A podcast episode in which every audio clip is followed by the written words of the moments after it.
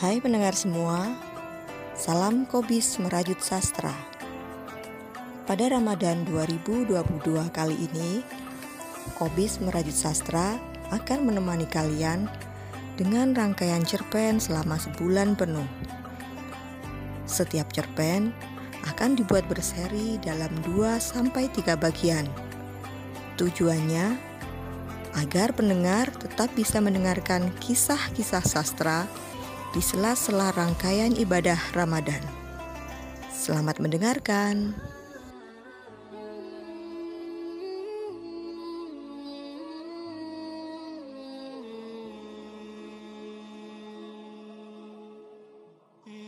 Pada bagian satu diceritakan, terdengar suara orok di hutan oleh orang-orang yang tinggal di pinggir hutan. Suara orok siapa itu? Pikir mereka. Akhirnya, mereka bersama-sama mencari suara orok itu. Lantas, benarkah suara itu suara orok? Kita ikuti cerita selanjutnya.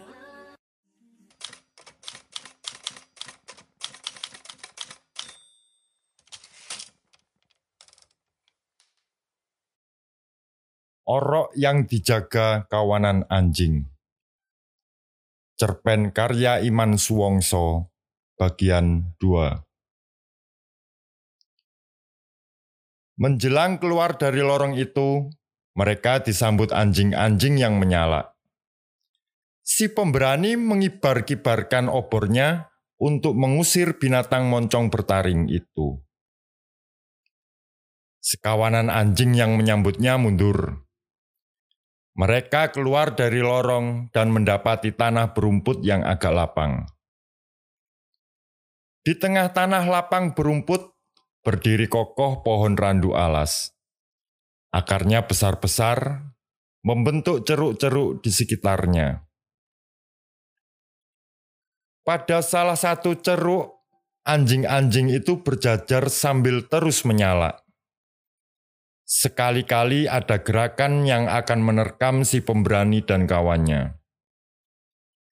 Mereka seperti melindungi orok yang sedang menggemakan tangis di belakangnya. Si pemberani menghalau anjing-anjing dengan obornya. Ia terus maju menuju suara tangis orok. Anjing-anjing menyingkir. Si pemberani telah sampai pada jarak yang paling dekat dengan suara tangis orok. Dan tangis itu memang berasal dari mulut orok yang berlepotan dengan darah yang telah mengering. Masih terasa sisa-sisa bau anyir darahnya. Orok itu berada dalam tas plastik warna coklat. Ia makin keras menangis Tangannya meraih mulutnya seperti hendak menutup tangisnya. Kakinya menjuntai keluar dari tas plastik. Si pemberani memindahkan obor ke tangan kirinya. Tangan kanannya gemetar menggapai tas plastik itu. Saat si pemberani hampir menyentuh tas plastik, Seekor anjing menubruknya hingga terguling. Seekor lainnya merebut tas plastik itu dengan moncongnya. Orok dalam tas plastik dengan suara tangis yang menggelegar di bawah lari seekor anjing menyusup di sela-sela pohon perdu berduri. Anjing lainnya mengikuti dengan meninggalkan suara salak bersaut-sautan. Setelah anjing terakhir masuk semak, Hutan ini menjadi sunyi. Si pemberani dan kawannya hanya bisa berdiri dengan api obor bergoyang-goyang di atas kepalanya. Di kota, perihal berita yang telah ditulis media online tentang orang yang ditemukan dalam tas plastik warna coklat di tempat pembuangan sampah masih menjadi bahan pembicaraan. Terjadi perdebatan di kalangan wartawan karena berita itu terlanjur diluncurkan. Tetapi orok dalam tempat pembuangan sampah itu tak berbekas. Saya terburu-buru saat itu karena dikejar deadline. Seharian tidak mendapat berita yang menarik. Setelah sampai kantor, saya tulis saja berita itu. Penjelasan penulis berita online. Penulis berita itu menyesal telah menulis berita tanpa konfirmasi. Ia juga menyesal tidak langsung melapor kepada polisi. Ia kemudian lebih menyesal sebagai penulis berita yang hanya mengejar berita. Siang itu, penulis berita merasa terpukul. Rautnya tampak lesu dan pucat tanpa bisa dicegah dari dahinya terus mengucur bintik-bintik keringat dingin. Sejak semalam, ia telah lupa makan dan minum kopi. Tak jauh dari tempat pembuangan sampah, ada warung kopi tenda. Penulis berita itu mengambil duduk di kursi kosong, memesan segelas kopi, dan mengambil sepotong pisang goreng.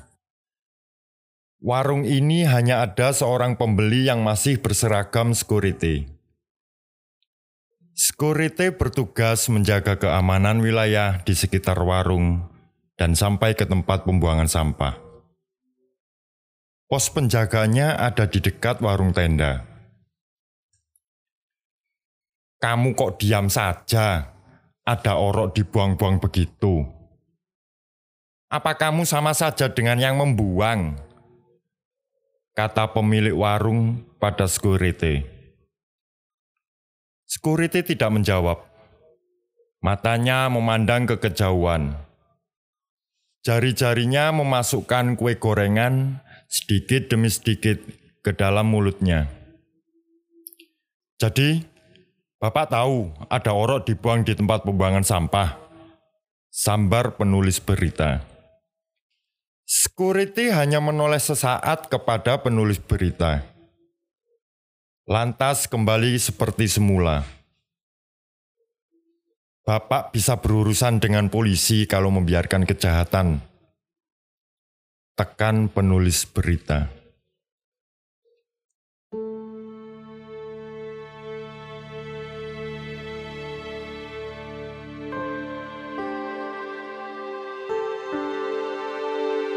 Hai